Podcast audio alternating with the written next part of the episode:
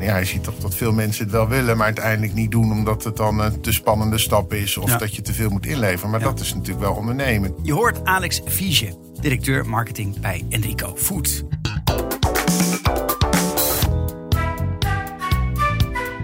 CMO Talk, de podcast. Marketing bekeken vanaf het hoogste niveau. Dag luisteraar, welkom bij aflevering 79 van CMO Talk. En vandaag eh, zit tegenover mij in de studio Alex Viege, directeur marketing bij Enrico Food. Alex heeft de afgelopen 20 jaar ervaring opgedaan bij onder andere Nutricia, McDonald's en Unilever. In januari 2021 besloot hij de stoute schoenen aan te trekken en te kiezen voor het ondernemerschap en eh, zitting te nemen in de directie van eh, Enrico Food. Ervaring is niet het enige wat Alex heeft meegenomen van Unilever. Want samen met private equity bedrijf kocht hij het bekende merk Bertolli. En dit staaltje ondernemerschap is precies waar ik het vandaag met jou over ga hebben, Alex. Eh, we vragen straks aan Alex hoe hij de overstap heeft ervaren van ja, toch multinational naar gewoon hardcore ondernemerschap. Een wat kleiner bedrijf. Als mede-aandeelhouder wat de uitdagingen waren en wat hem inspireerde om ja, deze stap te maken. Je hoort het hier vandaag van Alex in CMO. Alex, van harte welkom. Goedemorgen. Goedemorgen. Hey, ik vind het ontzettend leuk dat je hier bent. Kijk er echt naar uit. Een verhaal over ondernemerschap. Ja, laten we gewoon lekker, eh, lekker starten met het, eh, met het gesprek. Hey, via McDonald's, 13 jaar Unilever, anderhalf jaar Blackhawk en nu ondernemer. Mijn openingsvraag voor jou. Je wordt geen ondernemer, je bent het. Geldt dat ook voor jou? Ja, voor iemand die meer dan twintig jaar eh, bij grote corporates eh, heeft gewerkt, vind ik dat toch eh, een beetje bouwde stelling. Voor mij zijn echte ondernemers mensen die echt met niks beginnen, in een zolderkamertje in elkaar knutselen of een idee hebben, echt een hele hebben en houden daarin gooien. Ik heb toch een iets veiligere weg gekozen, bewust ook. Hè. Mijn vader is ondernemer, ik uit het ondernemend nest. Eh, en ik wou ook altijd wel iets voor mezelf doen. Maar ik wist ook wel, ik wil eerst gewoon het vak goed leren bij grote bedrijven. Eh, ja, gewoon veel eh, kijken hoe het daar gebeurt. Ja. En dan ooit een keer zelf iets gaan doen. Nou ja. Want het zat wel in je achterhoofd. ja, maar dat raak je ook wel een beetje kwijt gaandeweg. Als zo'n carrière dan een beetje je overneemt. En nou ja, op een gegeven moment zo'n mid-career punt kwam ik toch op de vraag van... ja, wat wil ik nou eigenlijk ook alweer? En dan ga je toch weer terugzoeken naar van ja, wat, eh, wat waren nou vroeger mijn, eh, mijn dromen? Nou, astronaut worden of Oh, echt? directeur van een bedrijf. Ja. En eh, nou ja, dat word je dan binnen zo'n grote corporate. Ja. Maar dat is, ja, dat is toch heel, heel anders. En eh, ik- waar ik daar hoopte op, hoe verder je komt, hoe meer je mag beslissen en hoe sneller dingen gaan. En eh, ja, dat, dat ging eigenlijk tegenovergesteld. Want je moet steeds meer politiek gaan bedrijven, be- eh, besturen. Eh, je zit meer naar PowerPoints te kijken dan echt met, met, met consumentenproducten eh, bezig te zijn en met echt dingen doen. Eh, en daar zit wel veel meer mijn energie. Ja, en want jouw laatste functie bij Unilever was... Daar was ik eh, eh, verantwoordelijk voor maaltijdoplossingen in Europa. Ja. Dus de, de pakjes en de zakjes, maar ook het merk Bertolli zat in mijn Ja. portfolio. Dus zo ben ik natuurlijk ook op het idee gekomen om het, te kijken of ik dat zelf kon, kon doen. Want Bertolli stond in de uitverkoop bij Unilever. Ja, ja, dat had ik zelf besloten om dat eh, eh, op de, op de disposallijst te zetten. Omdat het gewoon te klein was voor Unilever. Mm. En eh, ja, het zat maar in eh, drie, vier landen. Eh, het had geen schaal. Het was net niet een lokaal merk. Net niet een Europees of, of global brand. Dus ja, tussen de wal en het schip. En dan krijgt zo'n merk gewoon niet de aandacht en de, de, de liefde die het nodig heeft. En ja, dan is het beter om het gewoon eh, aan iemand te geven die dat eh, wel kon doen. En toen hebben we het geprobeerd te verkopen. Dat Ja. lukte, dat lukte toen niet. We hebben daar ook niet heel veel eh, tijd en moeite in kunnen stoppen. Maar dat bracht me wel op het idee van, hé, hey, ja, dan moeten we het misschien maar zelf, zelf gaan proberen. Hoe, hoe kwam dat, dat, dat idee? Hoe Nou, dat? ik, dat is heel grappig, want dat, er zat nog best wel tijd tussen, tussen dat, dat die verkoop mislukte en dat ik dacht van laten we dat zelf gaan doen. Maar ik had een lunch met een oud collega die ook een buy-out had gedaan voor echt tientallen miljoenen. Dus ja, hoe, Oh. hoe heb je dat nou gedaan? Ja, Vertel eens, ja. want dat, eh, zoveel spaargeld heb je niet. Dus die vertel- legde dat uit hoe die dat met private equity had gedaan en ja, hoe, dat, hoe die dat echt stap voor stap had aangepakt. Hmm. En ik zie nog steeds het, eh, het, eh, het lampje boven mijn hoofd van... hé, hey, dat, eh, ik heb ook nog wel zo'n case. Ja, En eh, ja, soms zie je in één keer een kans. En ja dat was eigenlijk een grap, want ik zat daar toch een, daarvoor een jaar of twee... een beetje te zoeken van nou, wat wil ik? En eh, ja, dit was wel het moment dat je in één keer eh, het ziet en uh, denkt van dit is hem. Een collega had ik al erbij gehaald, Jet van Koten, die, die bij Unilever met mij sales deed, waar ik meer marketing deed. En ik had ook al besloten van ik wil dit niet alleen doen. Dat leek me gewoon ook niet, niet leuk. En nou ja, ik weet ook wel dat ik een aantal dingen gewoon nog mis in mijn skillset. En, ja denken, wij vullen elkaar goed aan. En toen zijn we samen dat avontuur aangegaan. En ja, dat begon een beetje als een probeerseltje van laten we maar kijken of het lukt, waar het schip strandt. En dat ja, werd steeds concreter, ging steeds verder. En, uh, en de eerste, eerste funding opgehaald? Of nee, dat was echt eerst zoeken naar, ja, eh, kunnen we het echt gaan kopen bij Unilever? Dat is eigenlijk het moeilijkste. Van ja, ben je daar een betrouwbare partner voor ze? Dus uh, ja, de, de, de, de gunfactor hadden we wel. Uh, en we wisten dat het op de verkooplijst zit. Maar ja, uh, Alex, hebben jullie wel geld. Ja. Uh, en dan kun je wel zeggen van geld is geen probleem. Want er is ook heel, heel, veel geld in de markt. Maar je moet dan wel deal certainty brengen. Hè? Dus Unilever zit niet te wachten op een boel tijd investeren. En dan uiteindelijk dat het dan niet lukt. Dus toen moest een private equity partij erbij gaan zoeken. Wie is dat geworden? Uh, dat is Victus uh, Participaties. Een Benelux-speler die echt vooral op voet en agri uh, focussen. En die hadden ook Enrico in het portfolio. Dus we hebben nou ja, een soort uh, van een longlist, een shortlist, meerdere gesprekken gehad met partijen. Maar we zagen al heel snel van ja, dit is wel echt een hele logische partij om mee verder te gaan. Een goede klik met uh, de investeerders, maar ja, ook met Enrico was het een hele logische uh, om dat samen te voegen. En daarmee zijn we weer teruggegaan naar Unilever. Nou ja, dan krijg je het hele onderhandelingsspel, het fundingspel. Tussendoor nog corona wat uitbrak. Wat natuurlijk ook echt weer dat je... Ja, we hebben wel vijf keer gedacht van... oh ja, nu gaat het niet door. Maar toch. En toch steeds uh, ja, door blijven zetten. En toen was het eh, januari en toen zat je bij Enrico. En in één keer is dan, is het dan zover. Hey, en Enrico is een wat minder bekende naam dan, dan Unilever. Vertel eens, Enrico. Ja, Enrico, bij Enrico Foods uh, is natuurlijk geen Unilever. Maar nou, we doen zo'n 50 miljoen omzet. Dus nog uh, groter, best uh, serieus grote, grote onderneming. En er staat in meerdere keukenkastjes dan je, dan je zou denken. Dus we hebben natuurlijk Bertolli als groot merk. Maar ook ons Jean Baton mayonaise merk. Ja. Heeft inmiddels al 4% marktaandeel in Nederland. Is echt hard aan het groeien. Met een truffelsmaak. Met truffelmayonaise. Ehm, en dat gaat, gaat echt heel goed. maar daarnaast hebben we ook veel private label producten en merken van onze partners. Dus we halen, werken veel samen met mediterrane producenten. Eh, dus in uh, groente, mediterrane groenten, toastjes, pesto's. Ja. nou ja, noem maar Barney truffels. de scrockie die je bij de versafdeling vaak ziet. De toastjes, die zijn van ons. En, nou ja, talloze producten. Mooi. En dan Bertolli, want dat is toch wel een beetje het flagship brand wat jij naar binnen bracht bij Enrico. Ja, ja, ik, ik heb altijd een beetje het beeld. Misschien is het ook wel een mooi moment om even de, de mythe die er ontstaat rondom Bertolli. Dat is natuurlijk echt een, een super reclamisch gecreëerd merk door Unilever. Hè? Ja. Uh, en het wordt uiteindelijk gemaakt in een fabriek in Os. Ja, of in uh, Bertolski, uh, zoals ze bij de Keurtjes van Waarde noemden. Nou, Bertolli is opgericht in 1865 in Lucca door Francesco Bertolli... die daar een winkeltje, een klein delicatessenwinkeltje opende... in het nou ja, pittoreske Lucca. Dat zijn allemaal denk ik wel eens wel eens geweest uh, in Toscane. Ehm, dus het is een heel echt authentiek verhaal. Dat is uh, nou ja, een olijfoliemerk geworden. Uh, een van de eerste merken in Italië die begonnen met reclame voor voeding op televisie. En, nou, echt, echt, en Unilever heeft dat ook echt groot gemaakt in Europa, uitgerold. ja, en op de typische Unilever manier daar heel veel goede reclame achter gezet. Maar dan wat krijg je dan? Een heel reclamisch merk. Terwijl het een heel authentiek, echt uh, Italiaans merk is. En dat willen we ook weer terugbrengen in het merk. Ja. Uh, maar wij willen de authentieke Italiaanse keuken toegankelijk maken voor, uh, voor iedereen. En dat is onze, onze missie. Het is een hele rijke, mooie keuken met heel veel tradities. En, en, uh, ja, en de, die heel veel mensen nog niet kennen. Iedereen houdt van Italiaans, maar we doen het toch een beetje op de Hollandse manier nog. Ja. Hè? De grote bord witte spaghetti en een kwak saus erover. Ja. Terwijl Italianen bijvoorbeeld de pasta in de saus doen en niet andersom. Hè? Dus dat zijn die kleine dingen die we Nederlanders bij willen brengen in uh, ja, hoe doen de Italianen het, hoe maken ze het, hoe gebruiken ze het. Ja, daar zit echt een, uh, een hele leuke wereld achter die, uh, ja, waar we met consumenten over gesprek willen. Ik, ik, zie ook dat je echt die passie leeft. het is, het, of die missie leeft. Ik hou van lekker eten. Je houdt van lekker eten.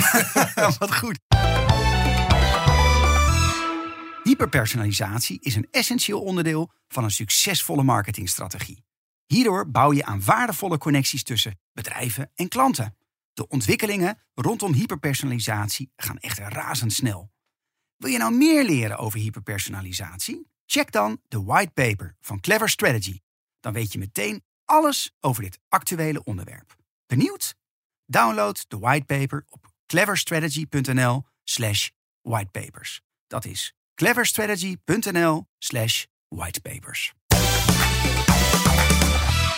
Hey, ehm, toen jij startte bij Enrico, wat trof je aan voor Ja, een, een super ambitieus, uh, klein, maar heel, ja, echt wel professioneel bedrijf. Hele gedreven mensen, waar heel veel verandert, waar heel veel gedaan wordt. Uh, wat echt volop in beweging is. Dus uh, ja, dat is, dat is gestarte ondernemers. Hè, waar Francesco Bertolli dat in 1865 deed, was Enrico uh, begon als een klein delicatessenwinkeltje in Amsterdam. onze fabriek Glasbest is begonnen door Robin en onze aandeelhouder, die daar samen zijn gaan producten gaan ja. ontwikkelen. Heel veel geprobeerd hebben waar dan Jean Baton uit voortgekomen is. En dat, die, die zijn samengekomen. Dus later Bertolli. Dus is, ondernemerschap zit echt in het bedrijf. Er wordt heel snel geschakeld, heel veel gedaan. Iedereen is super uh, ja, hongerig om dingen te leren en beter te doen. Uh, maar gewoon ja, echt intrinsiek heel erg gemotiveerd. Uh, alle skills zitten in huis, dus we kunnen super snel schakelen. En dat is heerlijk. Het is gewoon echt een, een doelomgeving, maar wel met mensen die gewoon hun vak heel goed ja, goede professionals die weten wat ze aan het doen zijn. En als we het niet uh, zelf kunnen, dan weten we ook ja. wel uh, waar, we, waar we kennis vandaan kunnen halen om dat uh, te doen. Maar... Wat, wat, wat, was het moment dat je, je kwam natuurlijk uit die veilige omgeving van Unilever met een oneindige staf en juristen en reclamebureaus en budgetten. En dan ga je naar een wat kleiner bedrijf met een wat minder omzet. Wat was het eerste moment dat je denkt van, hé, nou, dit is een andere koek? Eén ding om recht ja. te binnen, ook binnen Unilever is het natuurlijk ieder merkje weer zijn eigen bedrijfje. Dus ja. iedere business unit of merk waar ik verantwoordelijk voor ben geweest, was het ook gewoon veel zelf doen. Maar ja, wel met hele goede mensen, met, met processen die op orde zijn. Ik hoefde daar nooit na te denken of er een factuur gestuurd kon worden en of het product wel echt geleverd. We hadden wel eens oude stoks, maar ja, de logistiek, alles werkt gewoon. Uh, hoewel we er wel over klaagden, maar het was er wel. En ja, dan zie je bij zo'n een integratie van zo'n zo'n merk in uh, Rico Food, uh, dat was wel echt een operatie. Uh, dus echt, dat moet gewoon, dan zie je gewoon wat het handwerk is, wat er moet gebeuren om dat mogelijk te Ja, maken. ja. Dat is gewoon mouwen opstropen en Ja. zelf doen. Maar ook begrijpen hoe werkt het ERP-systeem dan. En ja, als je iets verkeerd in een celletje invult, wat betekent dat? Hè? Dus dat, het is gewoon veel meer hands-on, eh, veel meer doen. Hoe vind je dat? Ja, echt leuk. Ik vond het op. Ja, wat ik net zei bij, bij zo'n grote corporate, wat in ieder geval niet bij mij past, is dat hele bestuurlijke en op afstand over de business praten. Ik wil gewoon dingen doen, dingen in gang zetten. Ja. En eh, ja, hè, nieuw- nieuwe producten op de markt brengen. En echt met consumenten, met klanten bezig zijn. Ehm, ja, en dat, eh, dat, dat hoe verder je bij, bij zo'n grote corporate komt, hoe meer je in een, in een vergaderzaal Ja. zit. En ja, daar, daar kreeg ik minder energie van. Is Dus- het nu ook harder werken dan voor ja, absoluut. Je bent, ik ben eh, weer brandmanager, eh je eigen assistent. en Category je- manager. Category manager erbij. Dus het, CMO? je doet, ja, en, maar dat, vind ik, dat Ja. is ook echt het hele leuke ervan. Dus het is wel heel strategisch kijken, maar ook gewoon heel veel doen en, eh, en alles in één. En daarna- daarbij komen ook andere aspecten kijken als ja, je, je funding, eh, hoe zit het met je cashflow, eh, financiering. Ja. Hè? Dat is niet waar je dagelijks bezig mee bent. Het is Nee. vooral onze CFO natuurlijk. Maar in het begin van zo'n eh, zo'n heel proces, van zo'n overname, zijn dat ook wel echt elementen waar je bij Unilever niet na hoeft te denken of de cashflow eh, eh, op orde is. En ja, dan zie je hier dat het, het veranderen van een betalingstermijn aan inkoopkant of verkoopkant mega impact Ja. kan hebben op je bedrijf. Absoluut, En op de waarde van je bedrijf. Hè? Dat dat veel, bijna veel belangrijker is dan de volgende innovatie die je op de markt brengt. Hey, in CMO Talk leggen we onze gasten altijd een aantal stellingen voor. En ja, hier komt de eerste voor jou. Corporates houden CMO's vast in een gouden kooi. Ja, ik denk dat je dat altijd zelf laat gebeuren. Eh, je kan natuurlijk niet bedrijven kwalijk nemen dat ze talenten aan zich willen binden en goed belonen. Maar ja, het maakt wel lui op de een of andere manier. Het is een hele veilige omgeving waar je ja, voor een vorstelijk salaris eh, allemaal mooie dingen mag doen. Maar Ja. ja, is, is, is dat wel echt wat je wil? Dus ik heb heel veel mensen gesproken die zeggen: Oh, dat wil ik ook bij een kleiner bedrijf en meer ondernemend. Maar ja, de consequentie daarvan is dat je dan ook wat dingen moet inleveren aan, Ja. aan zekerheden en, eh, Uh, ja, het is toch meer een uh, ander risico-benefit. Risico rendementsplaatje. Je hebt de hele gouden kooi letterlijk ingeleverd. Ja, ja absoluut. absoluut. Ja. En, en je echt nu met skin in the game. Skin in the Ja, dus er zit een boel, boel spaargeld. al het spaargeld, zeg maar, ja, in, in dit bedrijf. En qua salaris is het ook een prima salaris nu. Dus alles kan nog. Maar voor alles, je moet natuurlijk wel... het zijn keuzes die je maakt. En dat, dat hoort daar dan, dan bij. En ja, je ziet toch dat veel mensen het wel willen, maar uiteindelijk niet doen omdat het dan een te spannende stap is of dat je te veel moet inleveren. Maar dat is natuurlijk wel ondernemen. Dat je, het is niet. Uh, uh, daar hoort ook risico bij. Zeker. Staan CMO's van wat grotere bedrijven te ver af van de dagelijkse operatie? Ja, ik, dat is lastig. Kijk, in een groot bedrijf kun je natuurlijk niet. Uh, moet, je, moet je ook wel. Heb je gewoon teams waar het, het werk gedaan wordt. Maar je moet wel weten wat er gebeurt. Ik, ja. Hoe kan je nou voorkomen dat je als CMO. ja, echt toch wel echt voeling houdt. Of, of, of ja, contact houdt met die dagelijkse praktijk? Ik denk dat, dat je gewoon veel met, uh, met je teams moet praten, met jonge mensen ook open moet staan. En gewoon moet zeggen: Ik weet niet hoe dit werkt. En altijd nieuwsgierig blijven. Ook echt willen weten hoe, hoe dingen echt gewoon dan ook zelf gaan doen. Dus ja. Uh, ja. En daar tijd voor inruimen. Bouw zelf maar eens een website in plaats van weer je team te laten doen. Maar ga dat dan zelf gewoon uh, doen. Of, dat, dat, kun je natuurlijk niet de hele dag. Maar als je echt wil weten hoe dingen werken, zul je ook gewoon dingen ja, ik denk dat dat de beste manier is om te leren. Om gewoon ook zelf, uh, zelf aan de slag te gaan. Hey, ondernemerschap en dan de koppeling naar CMO. Um, ehm, marketing wordt vaak wel gezien als de bakermat van innovatie. Hè. Daar komen de nieuwe ideeën vandaan. Ligt misschien ook wel dicht bij het ondernemerschap. Eh, moet, moet CMO de driver zijn voor, voor ondernemerschap binnen die organisatie? Dat zou wel moeten, uh, dat denk ik wel. Wat je wel veel ziet binnen grote bedrijven waar eh, überhaupt de functietitel CMO bestaat, is dat het, en wat, wat, hoe ik het ervaarde, dat het toch wel heel veel, steeds meer, hoe verder je komt, hoe, minder, hoe meer risico-avers mensen worden. Ja, en ja. Dat is tegengesteld aan innovatie, want ja. 70, 80 procent van de innovatie mislukt per definitie ja, bij grote korps zie je toch dat iedereen zoekt naar die 30% die dan wel succesvol is. Uh, het beloningssysteem is vaak ook erop ingericht dat het alleen maar gaat over succes en falen wordt afgestraft. Terwijl ja, mislukking eigenlijk iets heel goed is als het gaat over innovatie. Je moet veel proberen, leren en doorgaan. Ja. En een cultuur creëren waarin ook ja, dat mislukking goed is. Terwijl ja, wat ik merk is dat mensen steeds meer bezig zijn dan met uh, het managen van een carrière of uh, er goed op staan en risico's beperken. Terwijl jij soms, juist voor innovatie, heb je toch gewoon een. Uh, moet, je, moet je risico's accepteren en inbakken in je systeem. Wat mis je vanuit, uh, als je het vergelijkt met, met je vorige job? Nou, vrij weinig, moet ik eerlijk zeggen. Nou, het is wel lekker dat je gewoon altijd. Uh, het, het, ja, de, iedere euro die je nu uitgeeft, kijk je wel echt anders naar dan bij een grote corporate het goede daarvan is dat je ook heel bewust bent van dat het een investering is en, en dat er ook iets uit moet komen. Het is natuurlijk wel heel fijn dat dat uh, allemaal wat, uh, wat, wat minder spannend, spannend voelt. Of dat je gewoon grotere budgetten hebt om dingen mee te doen. Maar het is denk ik wel heel gezond dat je, dat je daar ook echt goed over nadenkt. Van ja, wat dit, hè, we investeren nu heel veel in een campagne. Daar moet ook iets uitkomen. Ja. Hey, bij, bij Start en Scale-up zie je uh, versnelde innovatie. Hè. Skill or fill is vaak het motto. dat wordt, nou, vaak gaat het gepaard met enorme groei. Dus als je raakschiet, je net 70, 80 procent van innovatie mislukt. Maar als je hem dan hebt, dan gaat het hard. Ja, in grote eh, bedrijven, dat gaf je net ook aan, is die mentaliteit misschien wat weggezakt. Hè. Wordt vooral gekeken naar de risico's. Dat brengt mij tot de tweede stelling voor jou. Ondernemerschap is voorwaarde voor groei en innovatie.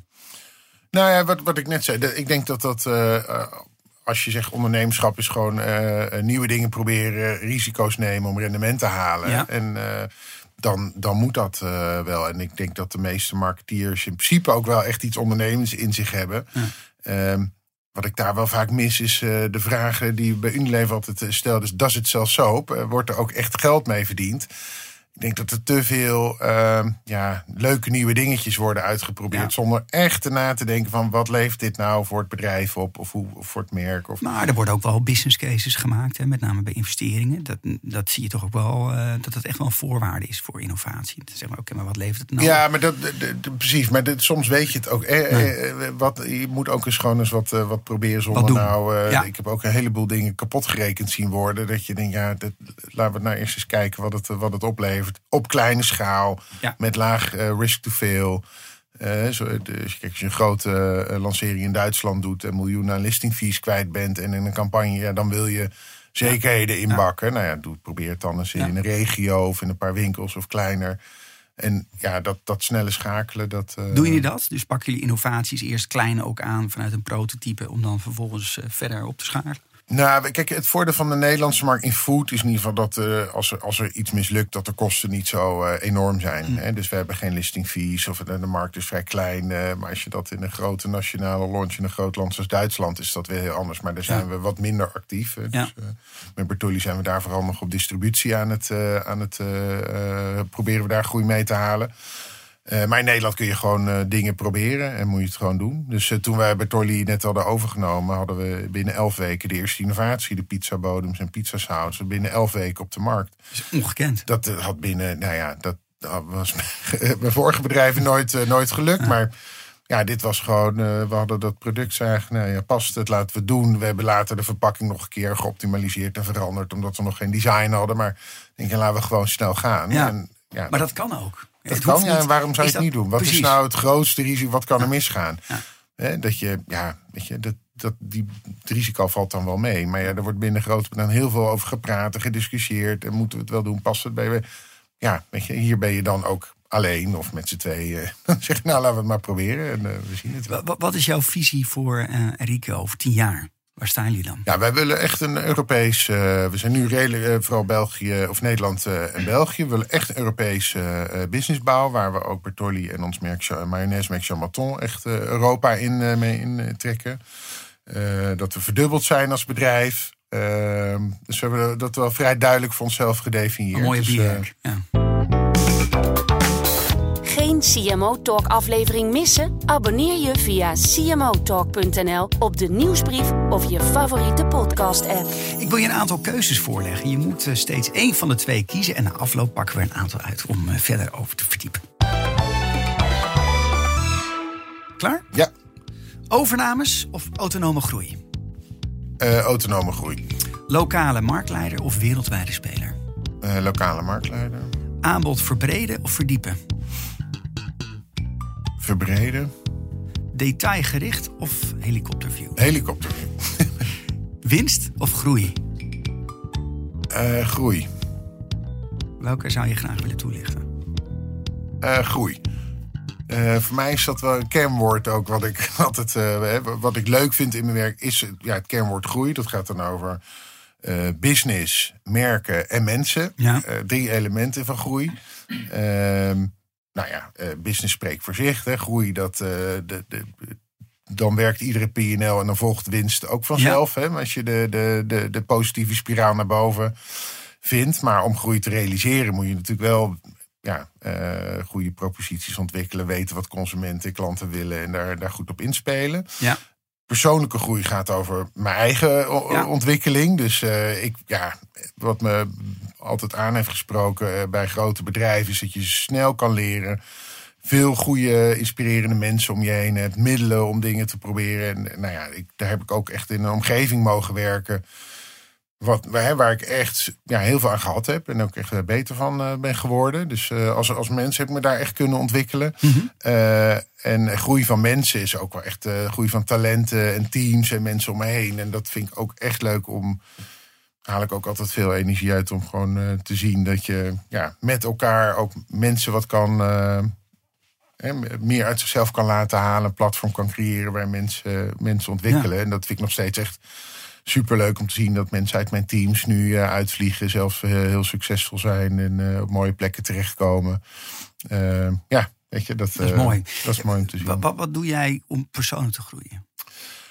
Nou, jezelf blijven uitdagen is denk ik de, de, mijn de grote, hè, dus de, de stap die, we nu gezet, die ik nu gezet heb met Bertol, weggaan bij Unilever, was wel echt een sprong in de diepe. Maar ook wel waarvan ik van wist, ja, ik groei te weinig of de curve vlakt Mhm. af. Ik heb zoiets nodig. eh, en dat is wel echt een sprong in de diepe eh, geworden met de overtuiging dat er wel iets moois op mijn pad zou komen. Wat ook ge- gelukt is en gebeurd is. Ja. Ehm, maar ook wel steeds de, de gebieden opzoeken van ja, dit kan ik nog niet, dat wil ik gaan doen. Dus eh, Is dat meer, ben je meer ja, praktijkgericht mens? Die zegt van nou weet je, ik ga het gewoon proberen onderzoeken. Of, of ook toch wel weer ik eh, ben wel, lezen. ik vind de combinatie heel leuk. Ehm, maar het moet echt met elkaar bestaan. En dat, dus ik, ik- ja, ik vind het wel echt leuk om iets theoretisch in de praktijk te brengen. Maar zonder praktijk is het voor mij ook waardeloos. Ja. Eh, of dan heeft het geen waarde. Dus je moet het wel echt kunnen implementeren.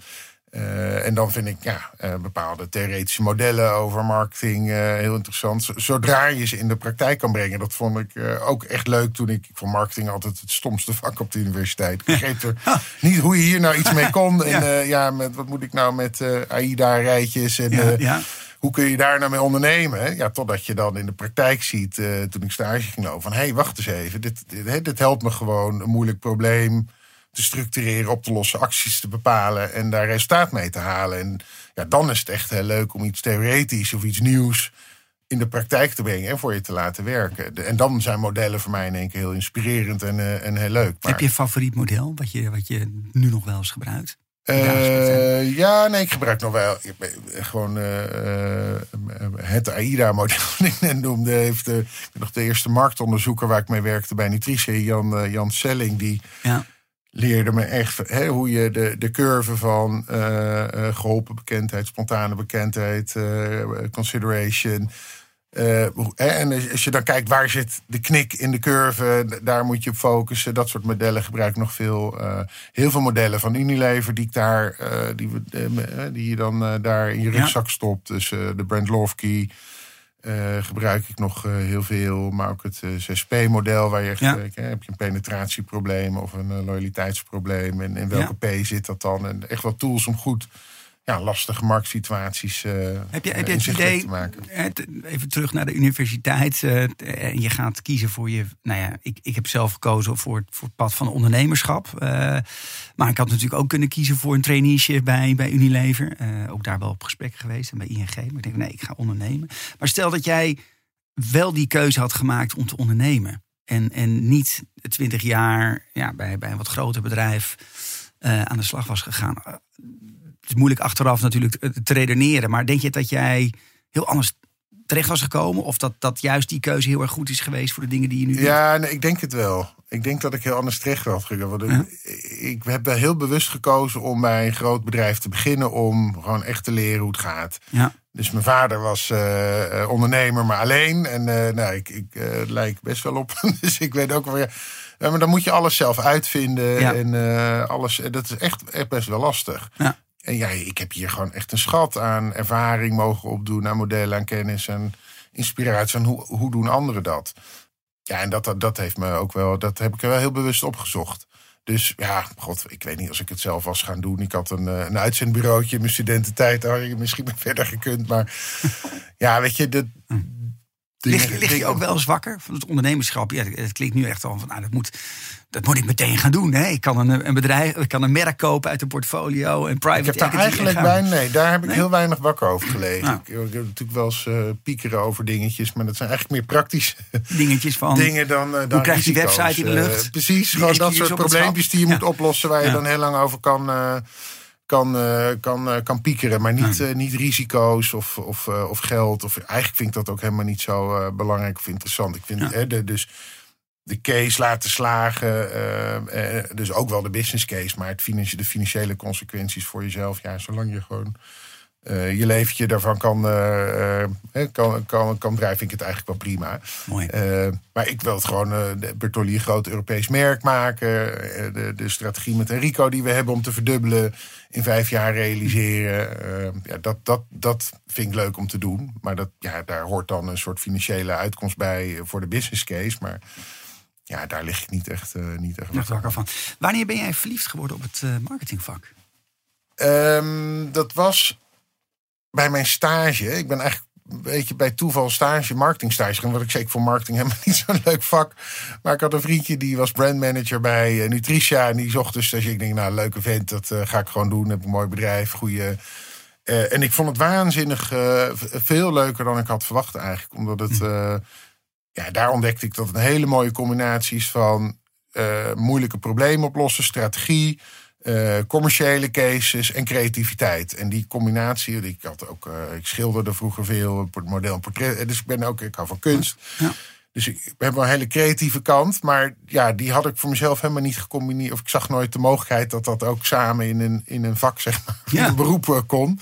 En dat ontdekte ik daar. En dat vond ik wel echt heel leuk. Om uh, ja, nieuwe producten ontwikkelen. En dan in de supermarkt zie je mensen die in één keer kopen, een paar maanden later. Ja. Dat, uh, dat vond ik wel heel, heel gaaf. Dat dat dan ook echt van ja, pro probleemanalyse.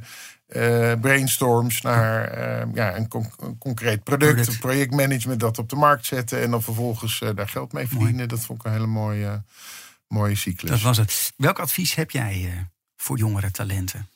Um, geduld. Dat is eigenlijk de belangrijkste. Ik zie dat jonge mensen heel snel verveeld zijn en door hmm. willen. Ik herken mezelf er ook wel een beetje in, maar ja, wat ik wel geleerd heb is dat het, het, het is echt ploegen zaaien, oogsten. En dat is een cyclus van drie, vier jaar over het algemeen. En uh, ik zie weinig uh, jonge mensen die daar het geduld voor hebben om ook echt iets langer te doen. Uh, echt te bouwen. Het is heel makkelijk om even iets neer te een kleine sprint te doen en dan ja. weer door te gaan. En een jaartje weer door. En weer door. En je ziet ook dat mensen al na anderhalf jaar wel vinden dat ze toe zijn aan de volgende stap. Maar ja, wat heb je nou neergezet? Wat is je legacy? En, en, en plan, met, uh, plan ook met die mindset van wat ga ik hier achterlaten. Ja. Uh, dus plan, uh, plan with the end in mind, zoals Covey zei. Covey, ja, mooi. Prachtig. Dat, maar ja, iemand vroeg, ik heb ook wel eens bij een recruiter gezeten die zei van ja, waar ben je trots op? Ja. En dat ik me op dat moment bedacht van ja, ik ben, dat ben ik nu nog aan het doen. Dus ik, ja. ik ben hier eigenlijk veel te vroeg. Ja. En toen ben ik, heb ik ook gezegd uit het gesprek, nou ja, ik kom over anderhalf jaar of twee jaar wel weer terug. Maar ik wil dit en dit en dit nog neerzetten. Ja, Dat moet je dan ook wel afmaken. Dus, uh... Mooi. Jij mag een vraag, een vraag, stellen aan onze volgende gasten. En uh, ik zeg gasten. Uh, dat is Ilse de Kloe, commercieel directeur. en Alex van der Weijden, directeur communicatie bij de Salta Groep. Voorheen bekend als NCOI. Wat zou je hen willen vragen? Ja, waarom, waar, waarom komen jullie uh, je bed uit s ochtends en wat, hè, wat maakt het vak nou zo leuk voor jullie? Daar ben ik wel heel benieuwd naar, zeker in de, de opleidingenhoek. Mooi. Ik ga het een uh, zeker vragen. Ja, we zijn alweer aan het eind gekomen van, uh, van het interview. Het gaat hard. Uh, luisteraars, dank voor het luisteren naar CMO Talk met Alex Fiesje van Rico Food over ondernemerschap. Nou ja, heeft Alex bij jou ja, toch een beetje de interesse in het ondernemerschap doen opbloeien? Nou, dan hebben we nog twee mooie andere afleveringen voor jou in de aanbieding. aflevering 67 met Maurice Willemsen voormalig CMO bij Swapfiets. Of aflevering 53 met ja, toenmalig CMO bij Beerwolf, Mark Scholten. In de volgende CMO Talk ga ik in gesprek met Ilse de Kloe en Alex van der Weijden van Salta Groep. Hopelijk tot dan.